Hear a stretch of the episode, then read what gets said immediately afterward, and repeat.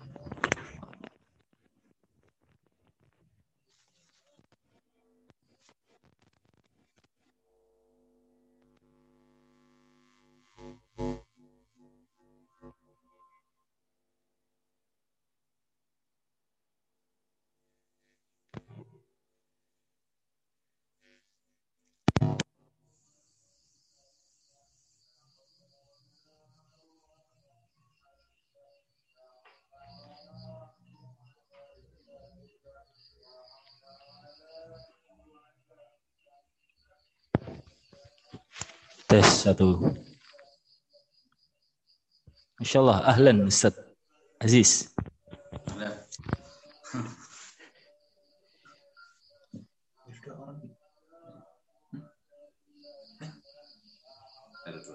Cik, yang lainnya belum masuk nih kayaknya masih pada sholat. Iya, dari anak juga turun desa langsung.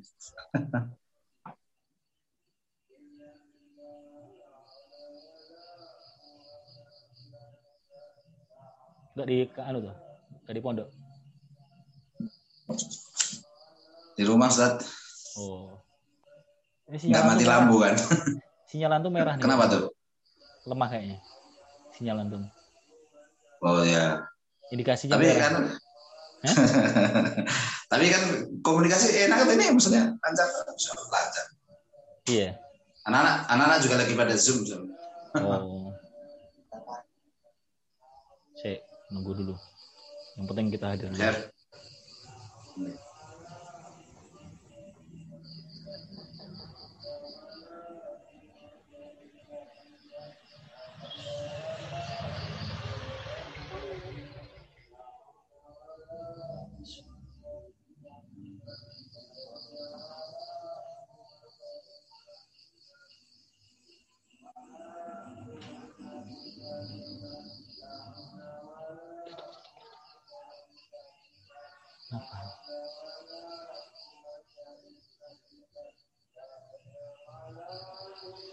ya.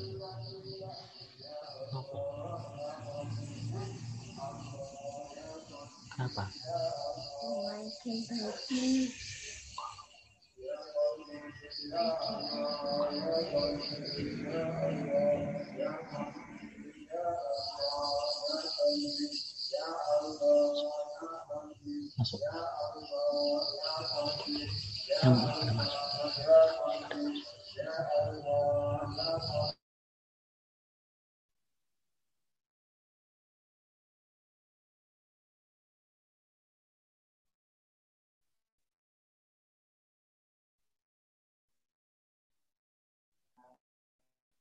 Masya Allah, ahlan sahlan ya Ustaz Jamal, Ustaz Rusman.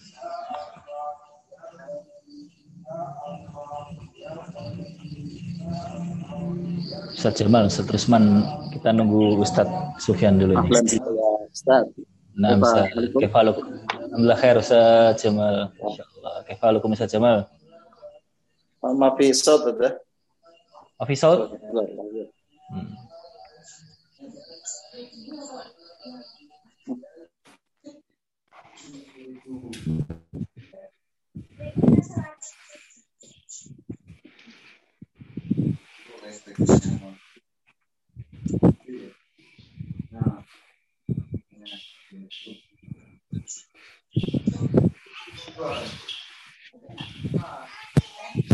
set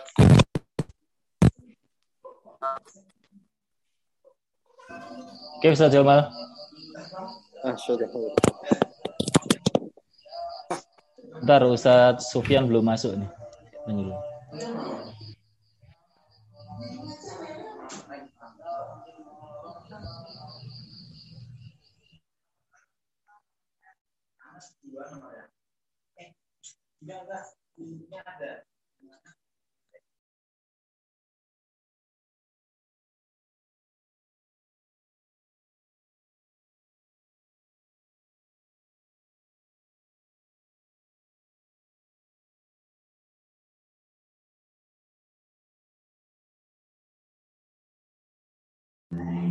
Allah, Ya Allah, Ya Allah.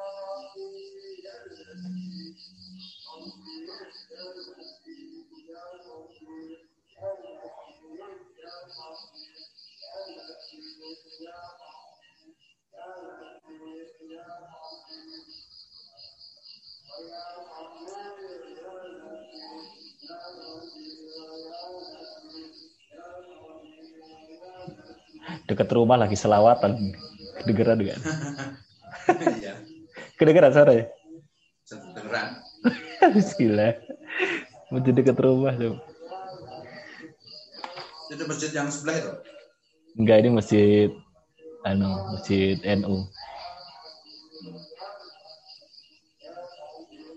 Ustaz Sufyan kayaknya. Insyaallah ahlan Ustaz Suharlan Madi Mudiruna. Ustaz Rujib ahlan. Sufita ya Ustaz Umar.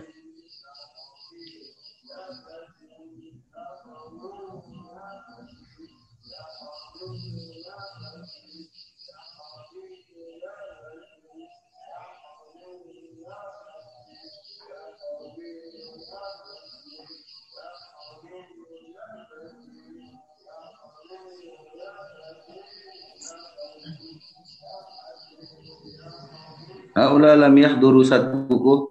Oke, Ustaz lam ya'ti ini, lam yahdur ini. Entah dari suaya. Bagi ini yusalli. Sufita ya mudir. La taqul kuna fi dairati kharijil ma'had mudir.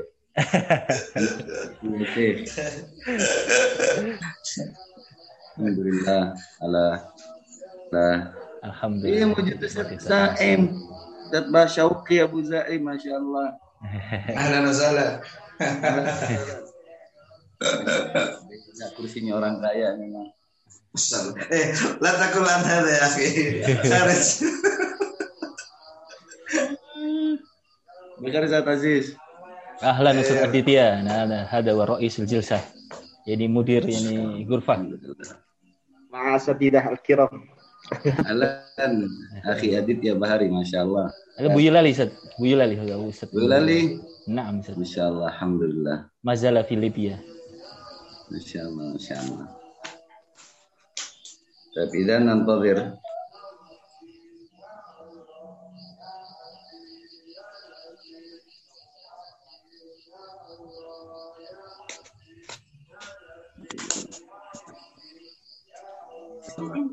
Enggak, nyala ini didengar. ini yang matiin sekarang. Anta satakro ya Ustaz Rujib. Ya atas Anta satakro. Waalaikum. Setakuna Korean. kata tuh ala al eh, La saya ini. Peduli. Anta awalan ya Ustaz. atau akhiran. Nah, ana fima Insya insyaallah. Ahlan wa sahlan li jamil asatidah. Ahlan. Ahlan bik ya Ustaz Munajib.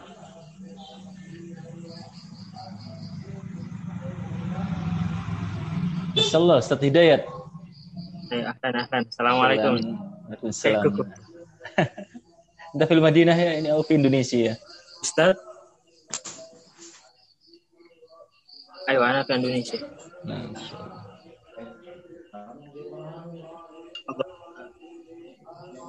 ما زالت إلى اللوك داون هذا أستاذ ولا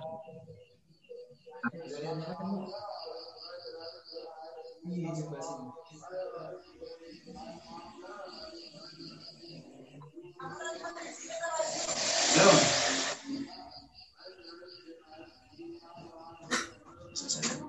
الشيخ يجيب الله Hai kamu. أهلا وسهلا Kok lama banget ya? بعض الإخوة لم أرى وجوههم من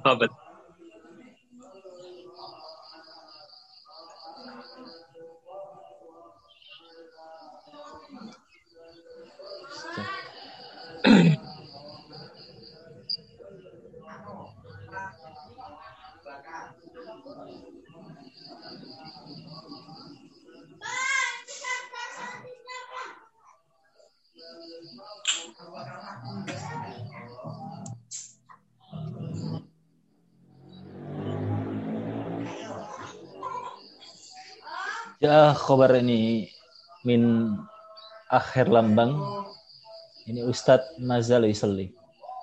Anta dari suaya.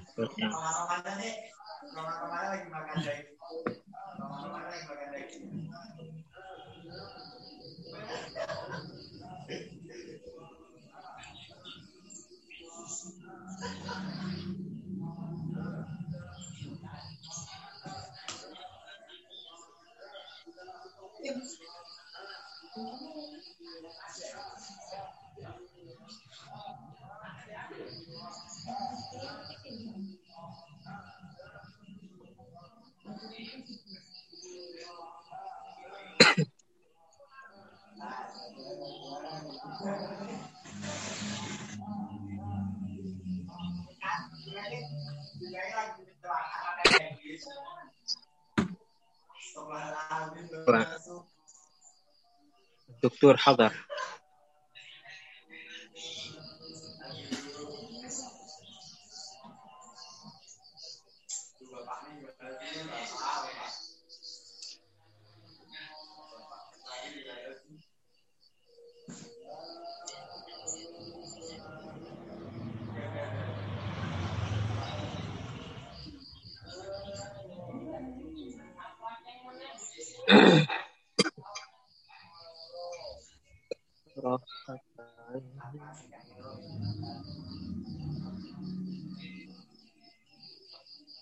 salah Ustaz Sufyan. Nah, hadir. Ya. Nabda. Ya, dari Suwail.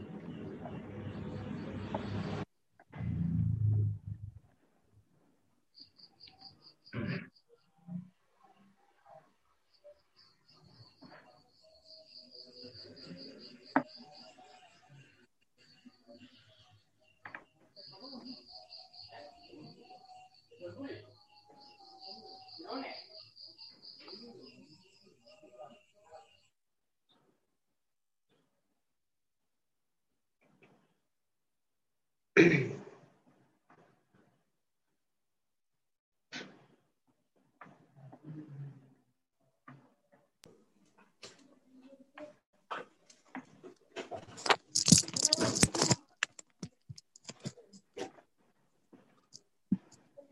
السلام عليكم السلام ورحمة الله وبركاته. الصوت واضح؟ واضح واضح. طيب. واضح نبدأ. تفضل. افتح الجلسة. بسم الله الرحمن الرحيم. السلام عليكم ورحمة الله وبركاته. السلام. Warahmatullahi wabarakatuh. الحمد لله رب العالمين. صلى الله وسلم وبارك على عبده ورسوله نبينا محمد وعلى آله وأصحابه أجمعين. أما بعد أهلا وسهلا ومرحبا بطلاب العلم. أيها الإخوة كيف حالكم؟ Di Alhamdulillah. khair. Alhamdulillah. Alhamdulillah.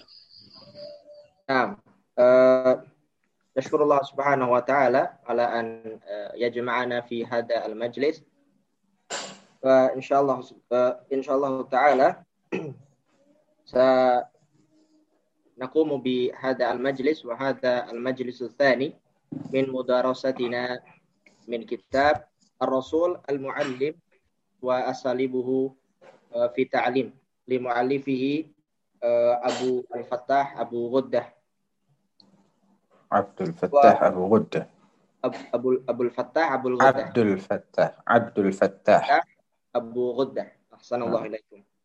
ومعنا فضيلة الدكتور سفيان بسفيدان حفظه الله تعالى. وقبل شروعنا في هذا الدرس آه، يا أستاذنا لابد أن نحدث الأمور ألا وهي الأمر الأول. آه، سيكون الدرس ساعة واحدة يعني إن شاء الله تعالى. والأمر الثاني ستكون الأسئلة في ربع الساعة قبل انتهاء الدرس.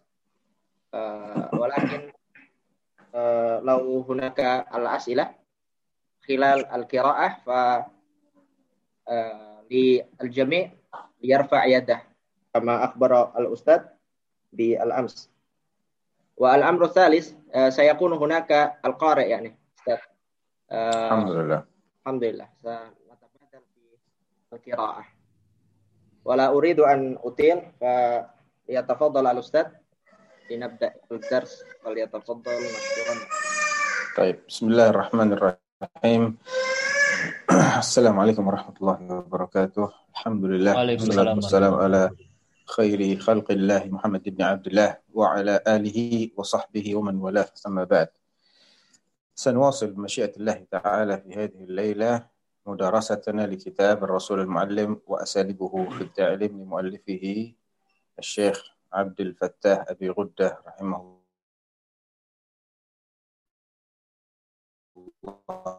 الله. تعالى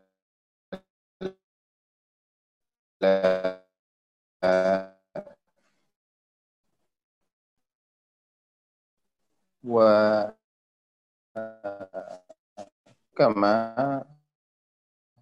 سبق أن ستكون هناك تفضل. أستاذ ديدي تفضل أستاذ ديدي. أو أستاذ مشتهر أولا.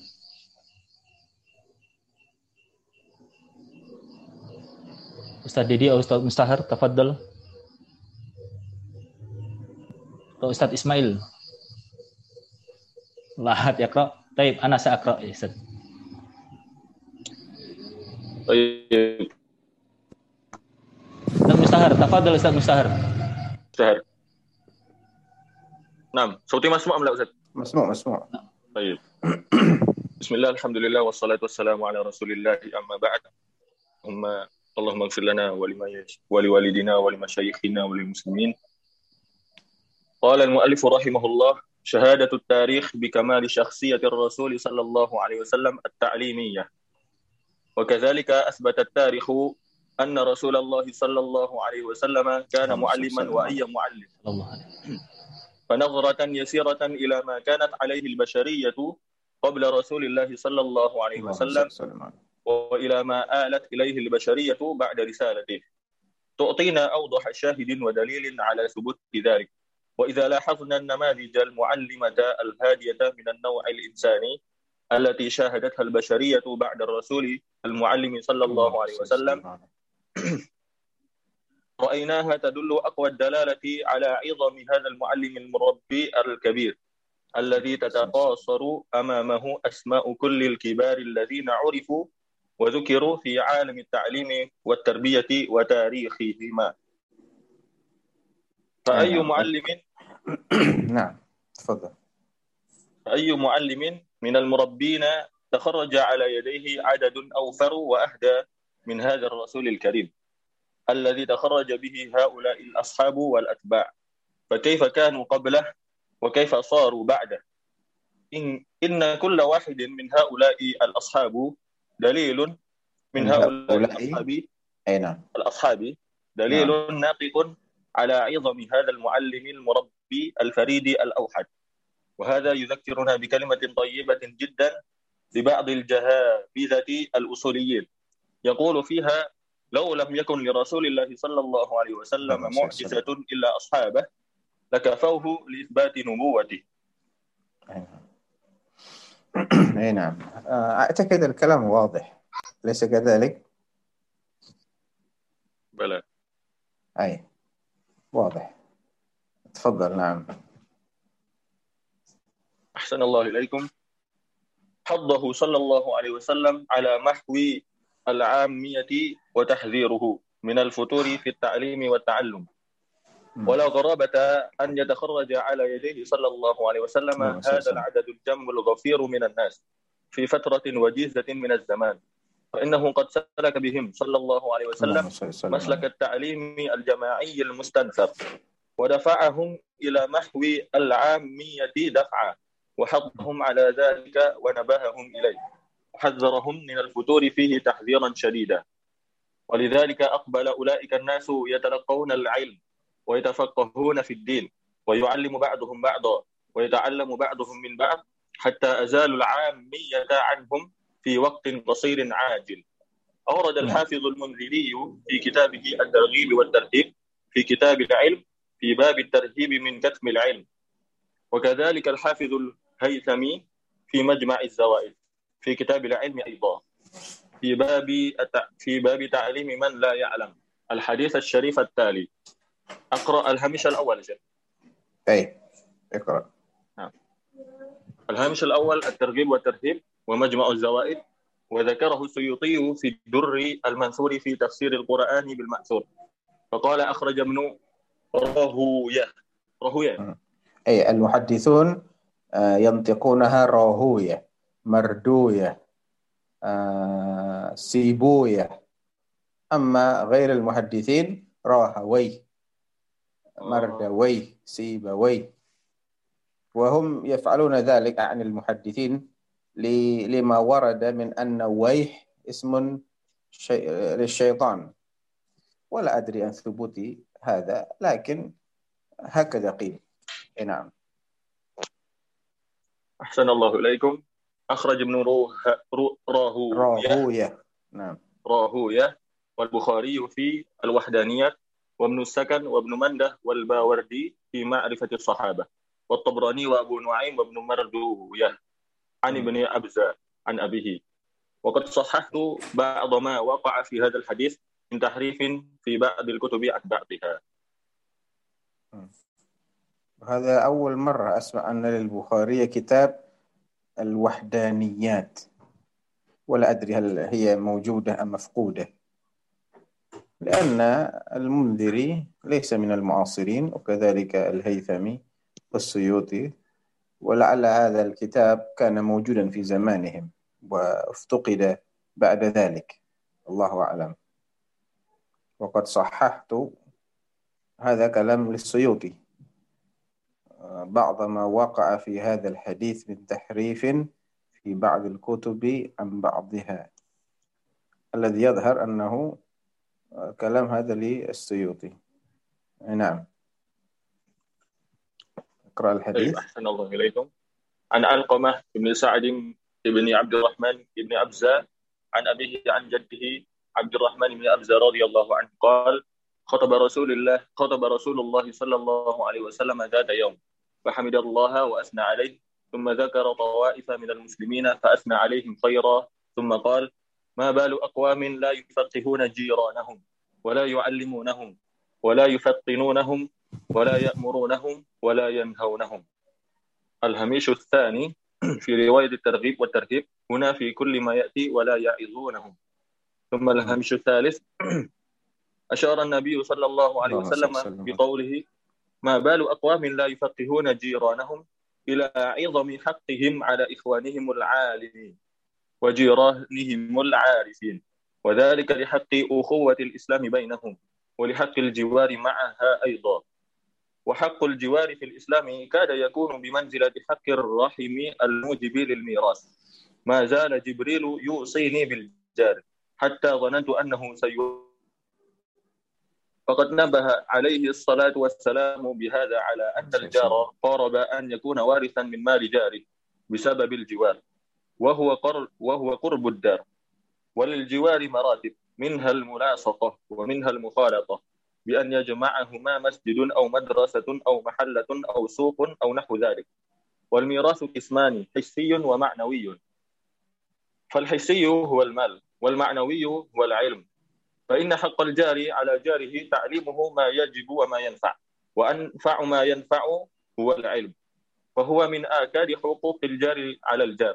صلوات الله وسلامه على الم... على معلم الناس الخير وهادي البشر جميعا. آه، هنا فائدة آه، من مراتب الجوار الملاصقة ومنها المخالطة. كأن التي بعد هذه الكلمة تفسير لها بأن يجمعهما مسجد أو مدرسة أو محلة أو سوق أو نحو ذلك هي المخالطة. فلا يكون ملاصقا لمنزلك أو لبيتك لكن تجتمع بهذا الجار في مسجدك أو في سوقك أو في مدرستك هكذا. أما الملاصقة الذي يظهر أنه ملاصق لبيتك من جهتين أو أكثر أو من جهة واحدة ربما. نعم. أحسن الله إليكم. وما بال أقوام لا يتعلمون من جيرانهم ولا يتفقهون ولا يتفطنون. والله ليعلمن قوم جيرانهم. ويفقهونهم ويفطنونهم ويأمرونهم وينهونهم وليتعلمن قوم من جيرانهم ويتفقهون ويتفطنون أو لأعاجلنهم العقوبة في الدنيا. ثم نزل فدخل بيته فقال قوم من ترونه عنا بهؤلاء؟ قالوا نراه عنا الأشعريين هم قوم فقهاء ولهم جيران جفاة من أهل المياه والأعرب. أي من سكان البادية. فبلغ ذلك الأشعريين فأتوا رسول الله صلى الله عليه وسلم فقالوا يا رسول الله ذكرت قوما بخير وذكرتنا بشر فما بالنا؟ فقال ليفقهن قوم جيرانهم ولا يفتننهم ولا يفتننهم ولا يأمرن ولا يأمرنهم ولا ينهونهم ولا يتعلمن قوم من جيرانهم. ويتفطنون ويتفقهون ويتفقهون أو لأعاجلنهم العقوبة في الدنيا. فقالوا يا رسول الله أنفطن غيرنا؟ فأعاد قوله عليهم فأعادوا قولهم. أنفطن غيرنا؟ فقال ذلك أيضا. فقالوا نعم. أمهلنا سنة؟ فأمهلهم سنة ليفقهوهم ويعلموهم ويفطنوهم. ثم قرأ رسول الله صلى الله عليه وسلم نعم، هذه الآية. لعن الذين كفروا من بني إسرائيل على لسان داود وعيسى بن مريم ذلك بما عصوا وكانوا يعتدون. كانوا لا يتناهون عن منكر فعلوه. فبئس ما كانوا يفعلون. من سورة المائدة. ثم الهامش الثاني. انتهى. الهامش الثاني. قال الحافظ ابن سكن إسناد هذا الحديث صالح كما نقله في كنز العمال. وقال الحافظ المنذري رواه الطبراني في الكبير عن بكير بن معروف عن علقمة وقال الحافظ الهيثمي رواه الطبراني في الكبير وفيه بكير بن معروف. قال البخاري رحمه الله ارمي به ووثقه أحمد أحمد في رواية وضعفه في أخرى. وقال ابن عدي أرجو أنه لا بأس به. فعلى هذا يكون سند الحديث ضعيفا إن لم نعتد بالرواية عن أحمد في توثيقه.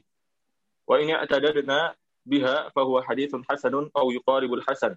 وهذا الذي جزم به الحافظ المنذري في في الترغيب والترهيب. فإنه أورده فيه بلفظ عن علقمة. واصطلاحه في هذا التعبير كما أفصح عنه في أول كتابه من قوله فإذا كان إسناده إسناد الحديث صحيحا أو حسنا أو ما قاربهما صدرت صدرته بلفظة عن. وإذا كان في الإسناد من قيل فيه كذاب أو ضعيف فقط أو لم أرى فيه توثيقا بحيث لا يتطرق إليه احتمال التحسين صدرته بلفظة روية. ولا أذكر ما قيل في ذلك الراوي البتة. فيكون للإسناد الضعيف دلالتان. تصديره بلفظة روية وإهمال الكلام عليه في آخره انتهى. فالحديث حسن أو يقاربه عند الحافظ المنذري والحمد لله رب العالمين. ولكن آه لعل في تحسين هذا الحديث نظر وذلك لتفرد بكير بن معروف برواية هذا الحديث آه، عن علقمة. وعلقمة رواه عمن عن ابن مسعود أو عن عبد الرحمن ابن عن علقمة بن سعد بن عبد الرحمن بن أبزة عن أبيه عن جده. وهذا يحتاج إلى نظر. هل لبكير بن معروف تخصص بعلقمة كأن يكون من كبار تلاميذه أو كأن يكون من أوثق الناس في علقمة؟ فإن لم يكن كذلك أي ليس لبكير بن معروف تخصص ولا ميزة أو مزية آه، بعلقمة. وأنا لا أدري علقمة بن سعد آه، لم أبحث عنه. لكن لو كان علقمة بن عبد الرحمن أي بن سعد بن عبد الرحمن بن أبزة هذا كان من المكثرين وله تلاميذ كثر. وهم ثقات فينبغي أن يوجد هذا الحديث عند غير بكير بن معروف حتى نستطيع أن نقبله. لأن بكير فيما يظهر ليس ممن احتمل تفرده برواية مثل هذا الحديث الجليل المليء بالفوائد. نعم. لا طيب، سيما أن في في آخره وعيد شديد وعيد شديد. أو لأعاجلنه العقوبة في الدنيا. أنا في في النفس منه شيء من ثبوت هذا الحديث. لو أن أحدكم يبحث من خلال المكتبة الشاملة أنا المشكلة ليست عندي الآن الجهاز عندي جهاز آيباد والآيباد ليس فيها المكتبة الشاملة. فلو أن أحدكم يبحث عن ترجمة علقمة بن سعد بن عبد الرحمن بن أبزة و وأبوه أيضا آه، سعد بن عبد الرحمن بن أبزة ثم يفيدنا هل عند أحدكم المكتبة الشاملة؟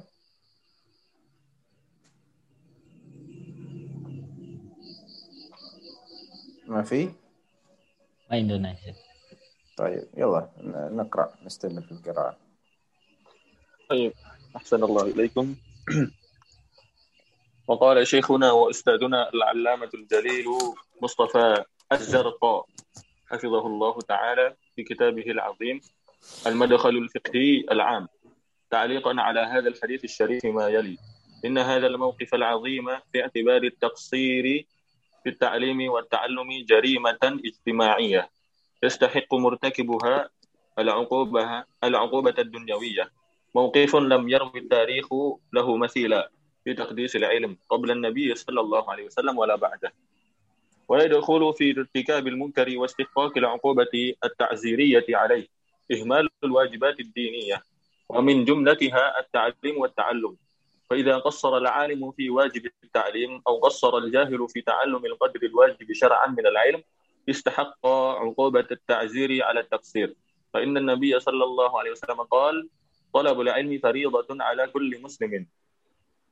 ولفظ المسلم هنا يشمل يشمل الرجل والمرأة لأن الحكم منوط بصفة مشتركة هي الإسلام. انتهى كلام شيخنا مصطفى الزرقاء أمتع الله به ورعاه. وأضيف وأضيف إليه فيما يتعلق بحديث طلب العلم فريضة على كل مسلم. أنه لما ناط النبي صلى الله عليه وسلم فرض طلب العلم باتصاف المرء بالإسلام رجلا كان أو امرأة كان في ذلك تنبيه منه صلى الله عليه وسلم على أن كل من انتسب إلى الإسلام لزمه طلب العلم وتحصيله. إذ لا جهل في شرعة الإسلام الذي أول كلمة من كتابه نزلت تقول اقرأ باسم ربك الذي خلق خلق الإنسان من علق. اقرأ وربك الأكرم الذي علم بالقلم علم الإنسان ما لم يعلم. آه لحظة. إذ لا جهل في شرعة الإسلام. ما أدري هل هل لا هنا لا نافية أو ناهية؟ نافية نافية. النفي بمعنى نفي بمعنى ظاهر. ناهية يا أستاذ لأن هو النفي لكن معناه النهي نعم إيه. لا جهل معناه لا ينبغي أن يجهل أحد لأن شريعة الإسلام ابتدأت بالتعلم الذي علم الإنسان الذي علم بالقلم علم الإنسان ما لم يعلم وابتدأ بالأمر بالقراءة. نعم وهي سبيل أو طريق من طرق تحصيل العلم. طيب هل من استفسار أو شيء أو مداخلة فيما سبق؟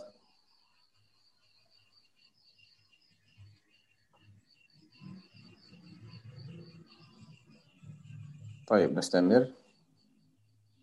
إذا بقي شيء تحتاج إلى شرح. وإلا نستمر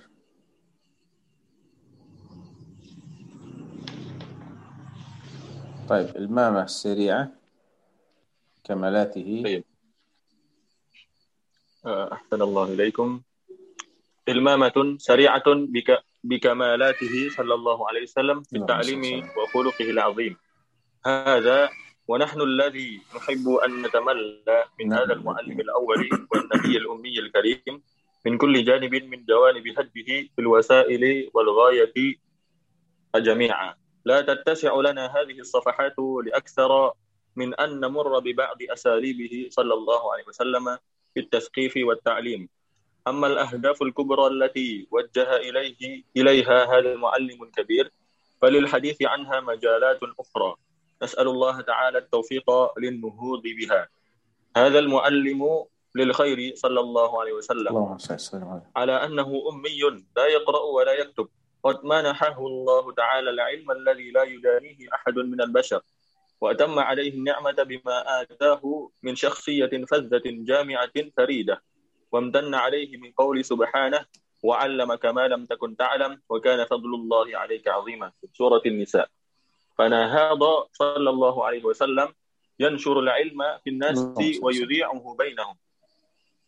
وكان بحق المعلم وكان بحق المعلم الأول للخير في هذه الدنيا في جمال بيانه وفصاحة لسانه ونصاعة منطقه وحلاوة أسلوبه ولطف إشارته وإشراق روحه ورحابة صدره ورقة قلبه ووفرة حنانه وحكيم شدته وعظيم انتباهه وسمو ذكائه وبالغ عنايته وكثير رفقه بالناس حتى قال صلى الله عليه وسلم إنما بعثت معلما.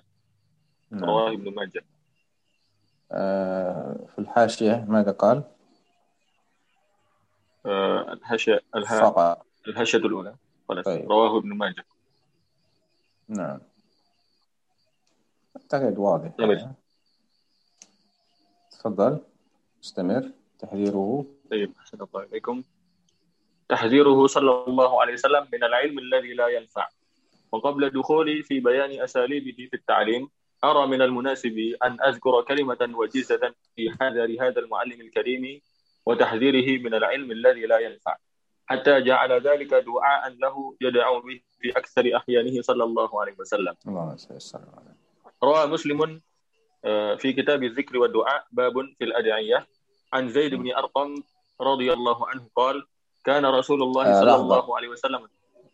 عن زيد بن أرقم رضي الله عنه أنه قال هنا أنه وإن كان غير مكتوب لكنه منطوق. لماذا؟ لماذا يا أستاذ؟ عن زيد بن أرقم آه، هكذا. أنا كنت أحضر مجالس السماع. هم يضيفون.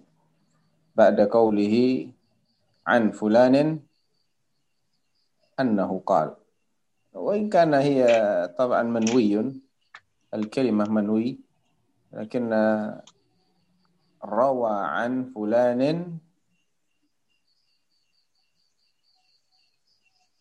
أنه قال. هي ماذا نقول؟ آه، أنا ما ما أستطيع أن أشرح لكن هكذا كانت آه، قراء الكتب كتب الحديثية آه، يقرؤون مثل هذه آه، الصيغة. مثل قوله قال حدثنا فلان. حدثنا غير مكتوب لكنه لا بد من قراءته. مثلا قال البخاري حدثنا عبد حدثنا الحميدي. تجد بعد ذلك في بعض النسخ حدثنا مباشرة. لكن عندما تقرأ الإسناد لا تقول حدثنا الحميدي. قال البخاري رحمه الله تعالى حدثنا الحميدي وحدثنا ابن عيينة حدثنا عمرو بن دينار. لا لأن هؤلاء ما حدثوا البخاري إنما حدثه شيخه. وشيخه قد حدثه شيخ شيخه أيضا. فيقول آه، قال البخاري رحمه الله حدثنا الهميدي قال أي الهميدي هذا قال ماذا قال؟ حدثنا سفيان بن عيينة. وسفيان بن عيينة قال حدثنا عمرو بن دينار. قال أي عمرو بن دينار حدثنا آه، عبد الله بن عمرو بن العاص مثلا. وهكذا. فمثله رضي الله عنه أنه قال. أي نعم. طيب أنا عندي سؤال. هل للقارئ آه، أن يقرأ الترضي أو الترحم للصحابة أو لمن للصحابة أو لغيره لا لك لك ذلك. وقد سبق معنا أظن في الدرس الماضي سبق معنا أن آه، في قوله تعالى والسابقون الأولون من المهاجرين والأنصار والذين اتبعوهم آه. بإحسان رضي نعم. الله عنهم إذا الترضي أيوه ما ما هو إيش آه. سؤالك؟ تضيف يعني هذا مثلا نعم نعم رواه مسلمون نعم. مثلا هل لازم أن أقرأ رحمه الله هكذا أو دون أما قولك هل لازم؟ لا لا يلزم لكن يستحب ذلك. لأنك تدعو على إمام من, من أئمة المسلمين وهذا من الأدب لكن لا يلزم. آه طيب. نعم. جزاكم الله خير روى مسلم رحمه الله عن زيد بن أرقم رضي الله عنه أنه قال كان رسول الله صلى الله عليه وسلم. يقول اللهم إني أعوذ بك من علم لا ينفع ومن قلب لا يخشع ومن نفس لا تشبع ومن دعوة لا يستجاب لها. ثم الحاشة الثالثة ولا علم الذي يؤدي إلى ضرر لصاحبه أو لغيره من الناس وهو مذموم من حيث ما يؤدي إليه. إذ الوسيلة إلى الشر شر بلا ريب. فالعلم بالحيل والإفساد والطرق التي يتمكن بها عالمها من إضاعة الحقوق. مذموم يتعوذ بالله منه. وكذلك العلم الذي يتمكن به صاحبه من سرقة أموال الناس والسطو. هدفت؟ الاعتداء والسطو عليها وطمس آثار الجريمة فيها. علم لا ينفع وهو شر لا ريب فيه. فمثل هذا العلم أو ذاك الجهل به أحسن على الإنسان مآلا من العلم به. ولا ينكر كون بعض العلم ضارا لبعض الناس كما يضر لحم الطير وأنواع الحلاوة اللطيفة بالصبي الرضيع. بل رب شخص ينفعه الجهل ببعض الأمور. وكم من إنسان خاض فضولا منه في علم لا حاجة له لا حاجة له به فاستضر به في دينه أو دنياه. وأضاع فيه جزءا كبيرا من عمر من عمره الذي هو أنفس ما يملكه وذلك غاية الخسران. وما كان أغناه عن مثل هذا العلم الفضولي الذي لو لم يخض فيه لكان خيرا له. فاللهم علمنا ما ينفعنا وانفعنا بما علمتنا وجنبنا ما يضرنا في ديننا أو دنيانا. يا أرحم الراحمين. أي نعم. و... وكون العلم ربما يضر بعض الناس وينفع آخرين هذا أمر مشاهد ملموس. فأرأيتم أن بعض الناس قبل أن يعلم أن آه، مثلا آه، صلاة الجماعة مثلا في المسجد كان من الواجبات. لا قبل أن آه، يتعمق في مسألة حكم صلاة الجماعة. وقد تربى على أنها كانت واجبة للرجال. ثم حضر أو قرأ في بعض الكتب أنه قد اختلف فيه العلماء قد اختلف في هذه المسألة العلماء. و آه، له رجحان سنية صلاة الجماعة مثلا. فبدأ يترك صلاة الجماعة. ما تقولون في هذا؟ هل كان علمه بهذا الحكم نافعا له أم ضارا؟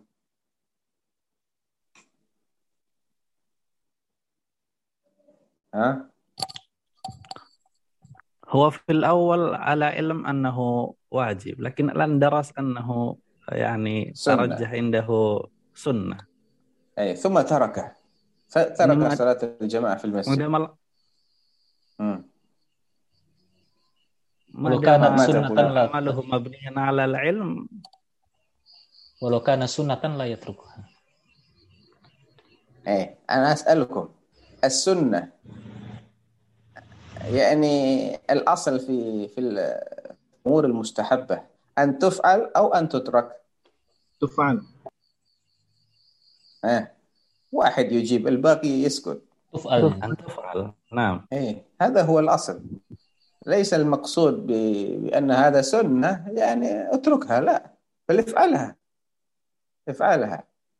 فإذا كان علمه بالحكم يجعله يتساهل من غير عذر ومن غير مصلحة أو آه، من غير أن أن يذهب إلى ما هو أفضل منه. قد يترك الإنسان عملا مستحبا لأنه تعارض عنده عملان وأحدهما أولى من الآخر فترك المفضول واتجه إلى الفاضل. هذا لا بأس به وهذا الذي يقتضيه علمه.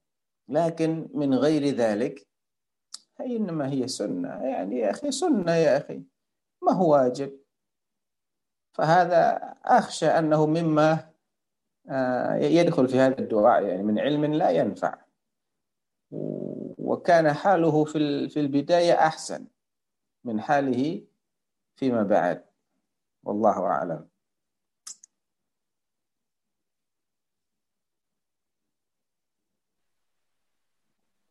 طيب.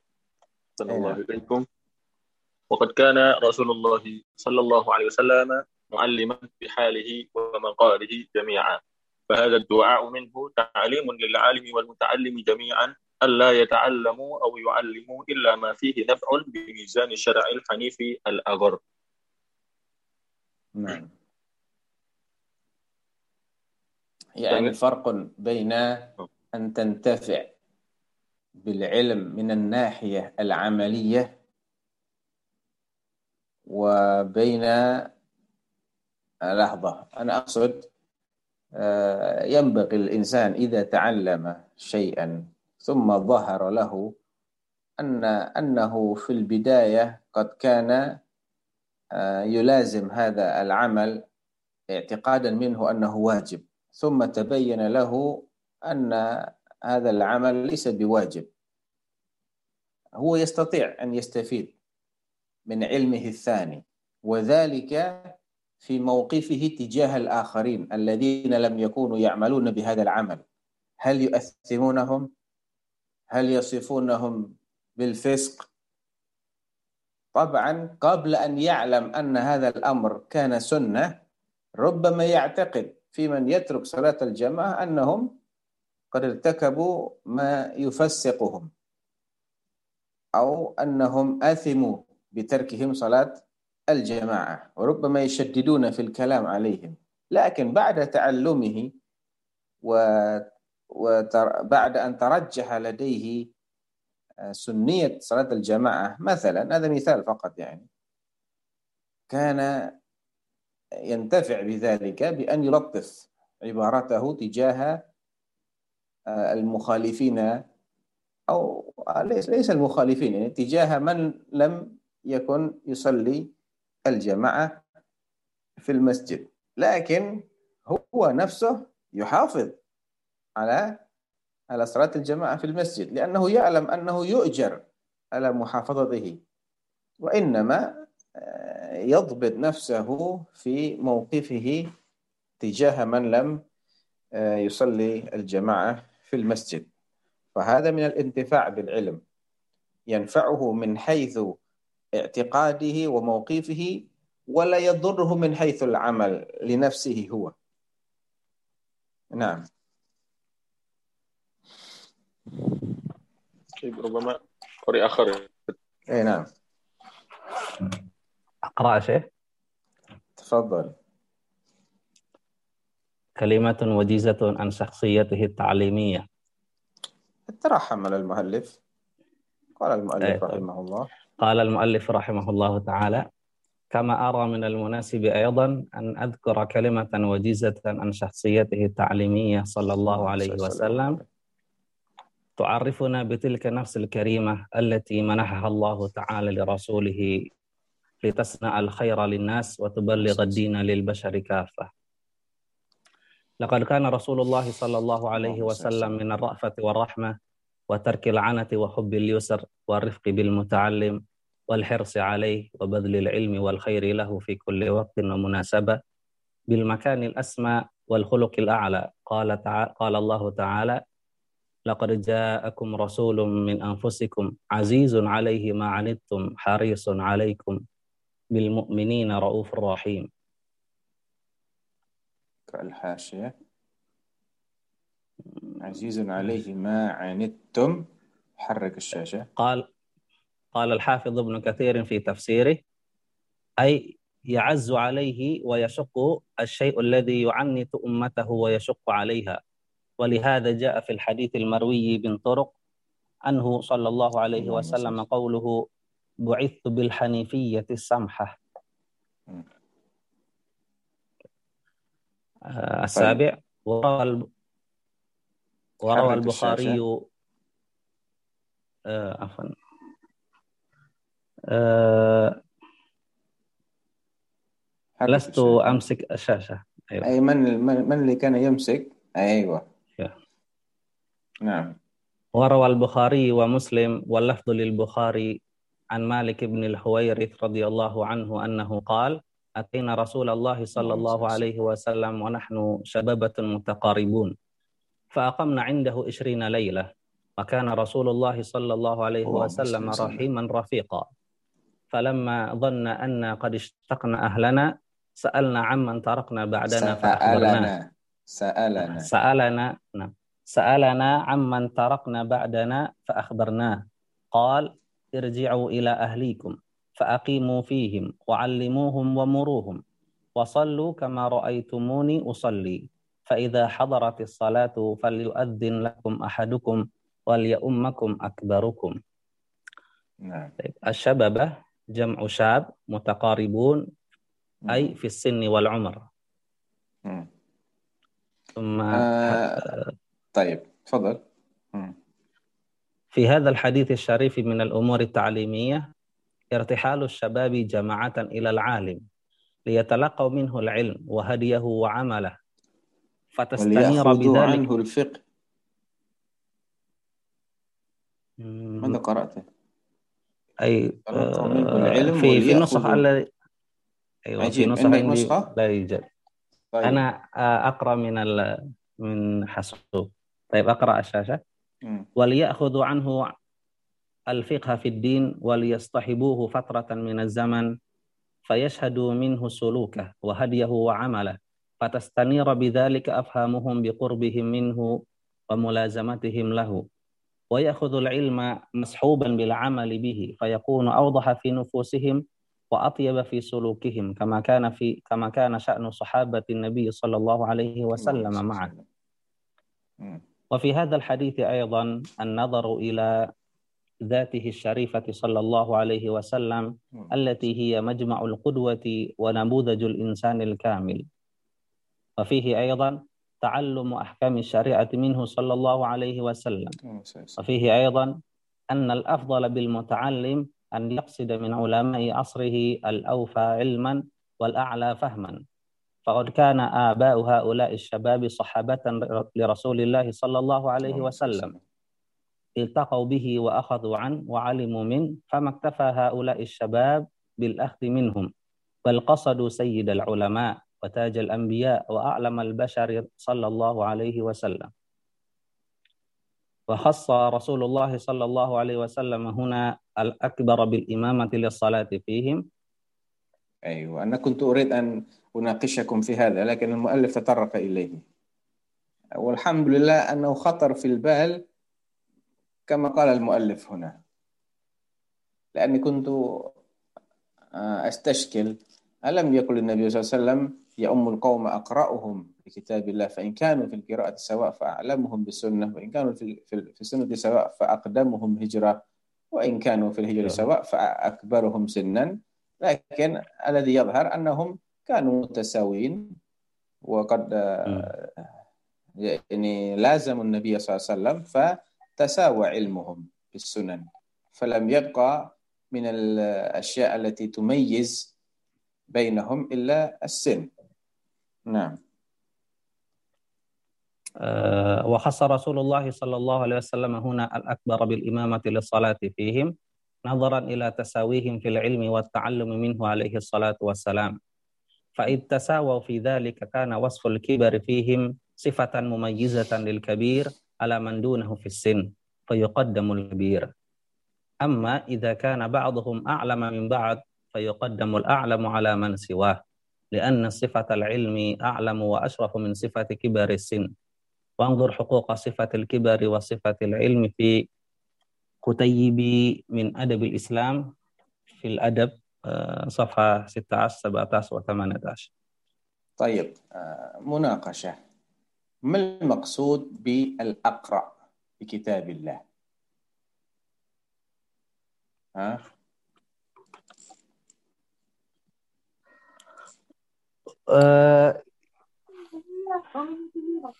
هل يعرف قراءة صحيحة بالقرآن ومعانيها وما يتعلق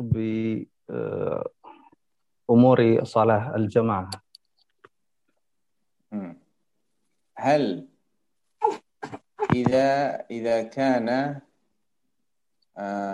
قارئان اثنان أحدهما أكثر يعني كان في القراءة في فصاحة القراءة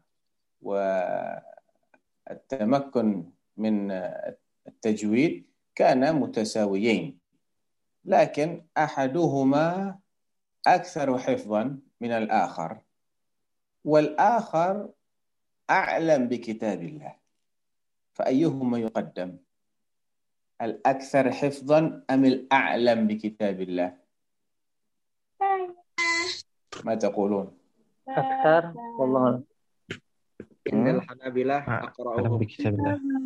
أيوة الأقرأ. ماذا ماذا تقصد بالأقرأ يعني؟ هل أكثر يعني- الأكثر قرآنا أم الأعلم؟ أكثر حفظا للقرآن. الأكثر حفظا للقرآن. متفقين ولا مختلفين؟ أنا أجيب يا أستاذ. أي تفضل. آه، نظرا إلى كتب الفقه بأن من الفرائض في الصلاة بس مجرد في قراءة سورة الفاتحة على وجه صحيح هذا لا بد منه. مم. وأما بالنسبة ما بعد الفاتحة وهي سنة فأعلمهم لكتاب الله أي أفقههم لكتاب الله وهو أفضل من ممن أكثر حفظا ونعم حفظا في في القرآن. مع قلة علمه طبعا ها؟ اي نعم. و لماذا رجحت هذا على ذاك ما دليل ترجيحك؟ ألم يرد في الحديث وليؤمكم أكثركم قرآنا في قوم معاوية بن الحكم السلمي فبحثوا في قومهم فلم يكن أكثر قرآنا مني. هذا قاله معاوية بن الحكم وكان صغيرا فصلى بقومهم. ما تقولون في هذا الحديث؟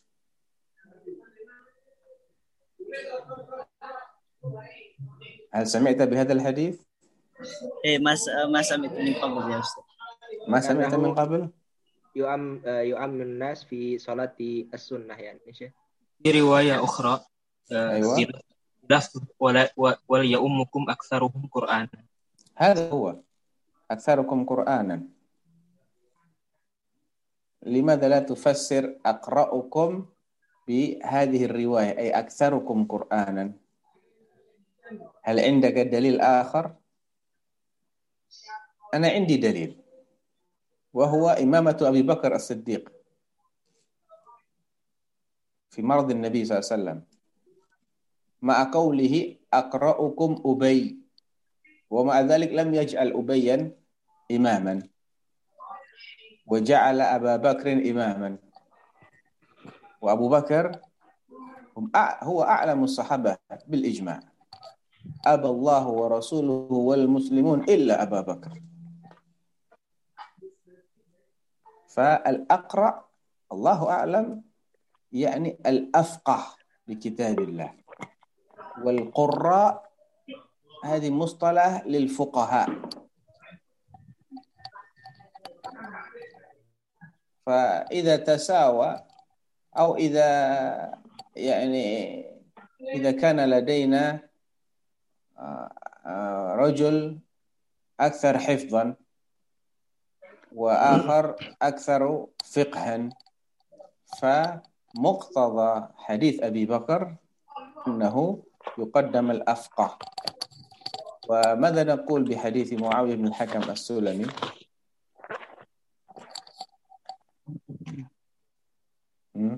هل ممكن نقول في فيما حدث بأبي بكر أنه آه، يعني خاص بأبي بكر لأنه تعيين من النبي صلى الله عليه وسلم. مروا أبا بكر فليصلي بالناس. ولماذا خصه النبي صلى الله عليه وسلم؟ شيخنا جزاكم الله خيرا. آه، أمر الرسول صلى الله عليه وسلم لأبي بكر ليؤم الناس ليس هذا دلالة على تعيين الرسول صلى الله عليه وسلم بأبي بكر لخليفة فيما بعده كما ذكره آه، بعض الفقهاء. جزاكم الله خيرا. أيوة بس هم استدلوا على أصلاحية أبي بكر للخلافة بكونه الأصلح للإمامة في الصلاة. فإذا كان الرسول صلى الله عليه وسلم قد رضيه إماما في عبادة هي ركن من أركان الإسلام وهي أعظم أركان الإسلام بعد الشهادة أفلا رضيه في شؤون الدنيا بأن بأن يكون خليفة. لكن لماذا خصه؟ مع قوله يا يا أم الناس أقرأكم أقرأهم لكتاب الله وقوله أقرأكم أبي. طبعا في ثبوت هذا الحديث كلام. أقرأكم أبي وأعلمهم بالحلال والحرام معاذ وأرحم أمتي بأمتي أبو بكر. الحديث فيه كلام يعني. لكن آه لعل القول في حديث معاوية مثل مثل القول في حديث آه الذي مر معنا آه حديث آه مالك بن الحويرث. لأن السياق الحديث يدل على هؤلاء كانوا رهط يعني كانوا جماعة. جاءوا إلى النبي صلى الله عليه وسلم وتعلموا سويا. ثم عندما أرادوا الرجوع قال فيهم النبي قال لهم فلي فلي فليؤذن لكم أحدكم وليؤمكم أكثركم قرآنا. فكأنهم متساوين في الفقه فبقي مما يميزهم عن غيرهم آه الأكثرية حفظا. وكان معاوية تلقى العلم من كل من كل من كل ركب. فإذا ذهب ركب إلى الرسول صلى الله عليه وسلم ورجع تعلم منهم معاوية فصار أكثرهم قرآنا. فيجتمع لديه ال- الفقه وكذلك الأكثر علما بالقرآن مع الحفظ.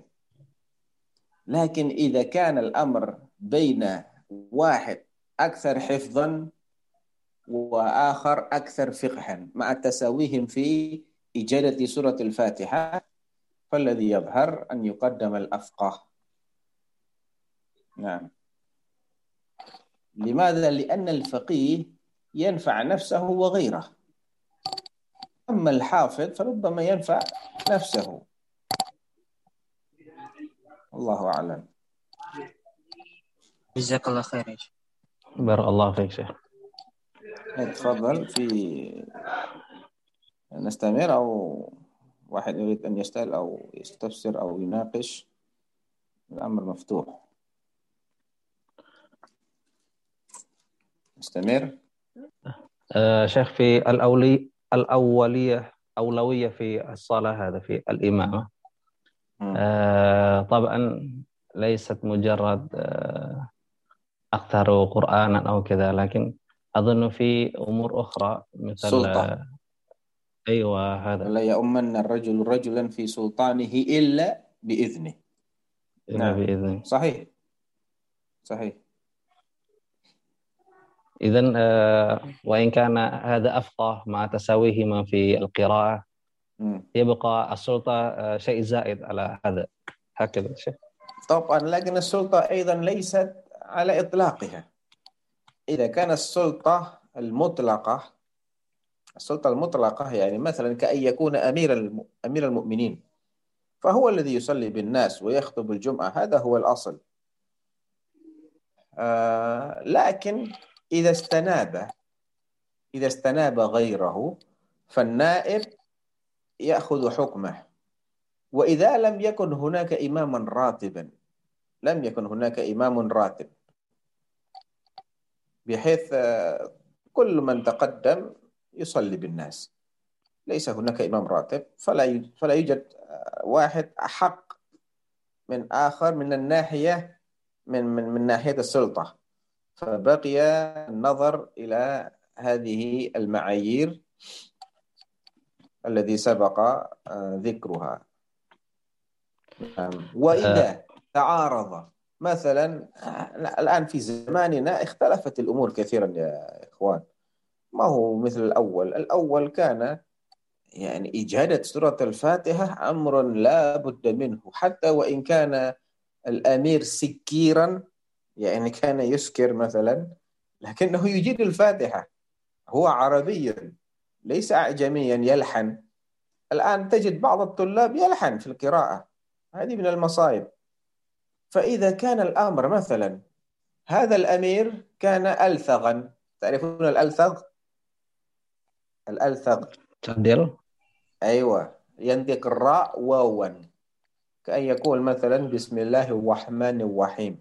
يعني ما يقدر ينطق الرحمن لا يستطيع. وإن كان أمير المؤمنين لا يصلي بالناس. يصلي مأموما لا يصلي إماما. لأنه سيخل بقراءة الفاتحة ولا بد. النووي رحمه الله في مجموع في المجموع يقول الألثغ لا يؤم إلا مثله. فإذا ائتم آه، صحيح القراءة بالألثغ أعاد صلاته. هذا مفاد كلام النووي. إذا كان المأمومون كلهم ثلغى جاز لهذا الأمير أن يصلي بهم إماما. وإلا كان يصلي مأموما. إذن وجود مانع.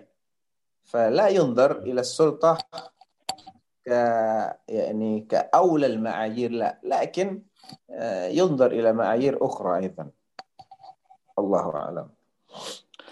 آه، شيء آخر شيء. آه،. ظاهرة آه، نشاهدها أن بعض طلبة العلم إذا حضروا المسجد وحضروا الصلاة يعني مع مع كونه آه، يجيد القراءة وله شيء من الفقه لا يتقدم للإمام وفي رجل عامي شيخ كبير كذا يتقدم مع لحنه في القراءة.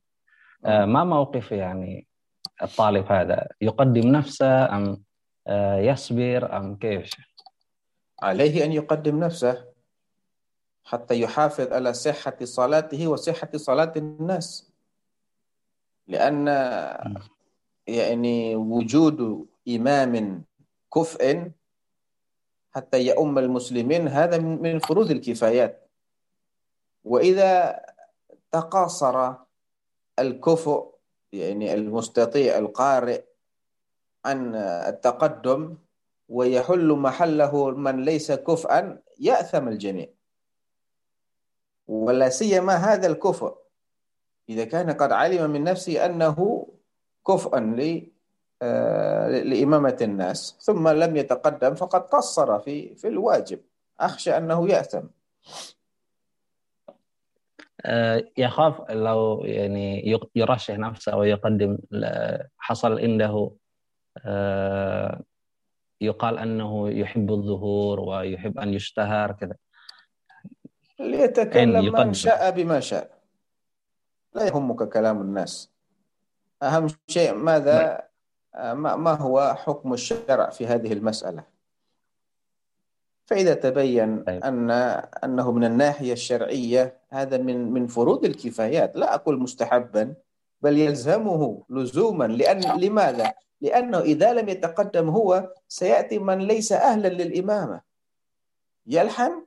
إذا كان اللحن في الفاتحة يأثم لكن إذا كان في غير الفاتحة فقد ترك آه، يعني الأولى الأولى أن يصلي من لا يلحن مع وجوده. إذا لم يوجد فهذا شيء ثاني لكن مع وجود آه، حسن القراءة القارئ الفصيح لماذا يترك المجال للاحن؟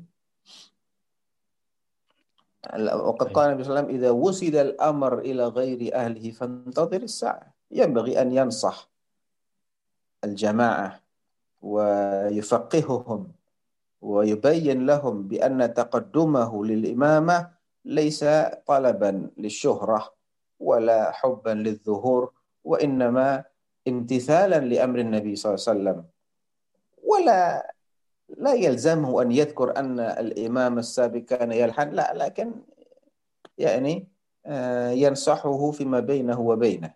ينصح الإمام السابق آه، يحاول نصيحته سرا حتى لا يزعل.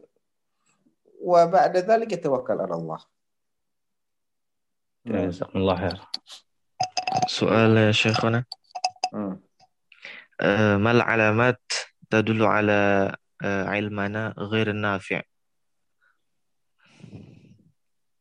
سبق الإشارة إلى بعضها في الحاشية آه، هي بتعريف العلم الغير النافع ما هو؟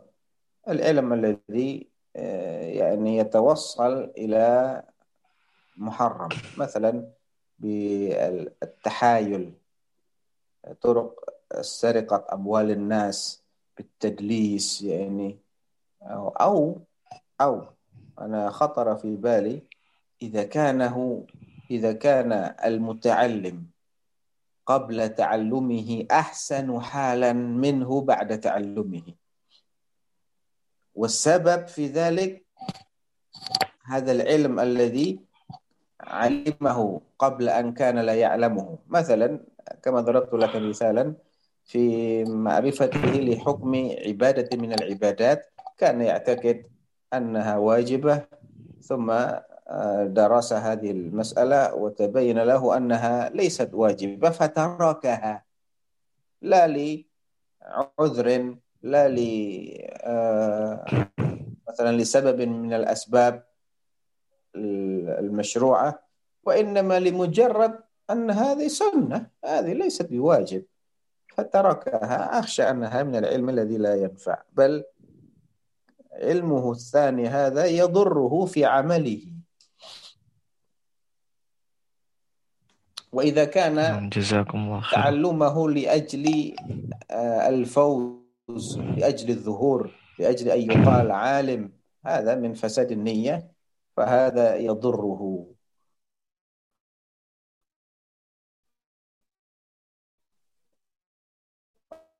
الاستكثار فقط.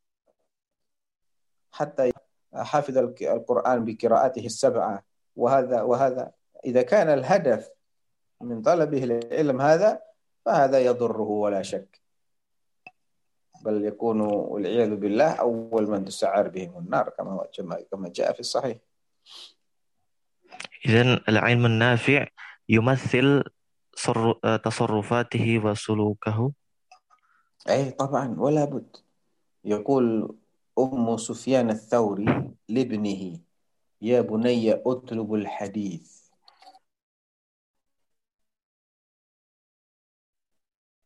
وأنا أكفيك بمغزلي آه، في غزالة الثوب. يعني مثلا القطن تغزل فيكون خيطا ثم يجمع الخيوط فيكون قماشا. هذا عمل أم سفيان الثوري. فكانت فكانت تقول لابنه يا بني أطلب العلم وفي رواية أطلب الحديث. لا تفكر في المعيشة أنا أكفيك. خلال عملي هذا. وقالت أيضا يا بني أكتب الحديث. فإذا كتبت عشرة أحاديث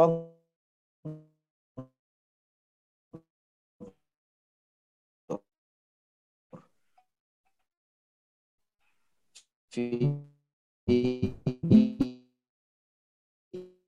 مشيتك وهيئتك وعبادتك. يعني طريقة لا تزيد فإنه سيضرك أكثر من مما ينفع. فإذا لم يتأثر الإنسان بعد تعلمه فما ما الفائدة من التعلم؟ أليس المقصود من العلم العمل؟ ما هو المقصود من العلم؟ العمل. العمل. سواء عملا ظاهرا أو أو باطنا. وصلاح الباطن يظهر يظهر من خلال تصرفات من خلال المنطق. يعني كان جريئا في الحكم على الآخرين ثم بدأ يحتاط في كلامه. كان يعني يفتي بسرعة ثم يتأنى وينظر في المسألة. كان يكثر الكلام ثم يقل الكلام بل يختار ينتقي من الكلمات. هذا من الآثار. لا لا يلزم أن يكون أكثر عبادة من حيث الظاهر. قد يكون العبادة هي هي لكنه آه، من حيث الجودة كانت أكس كانت أحسن. نعم. نعم. جزاكم الله خيرا. سؤال يا أستاذ. هل المعلم أو المربي إذا رأى آه، من طلابه شيء يعني ربما ليس مناسب بعد تعلمه من العلم هل يتوقف من تعليمه أو يستمر تعليمه؟ له أن يتوقف تأديبا. له أن يتوقف تأديبا.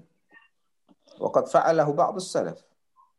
امتناع بعض المحدثين عن التحديث لما آه، رأى من طلابه أنهم ليسوا أهلا لأن آه،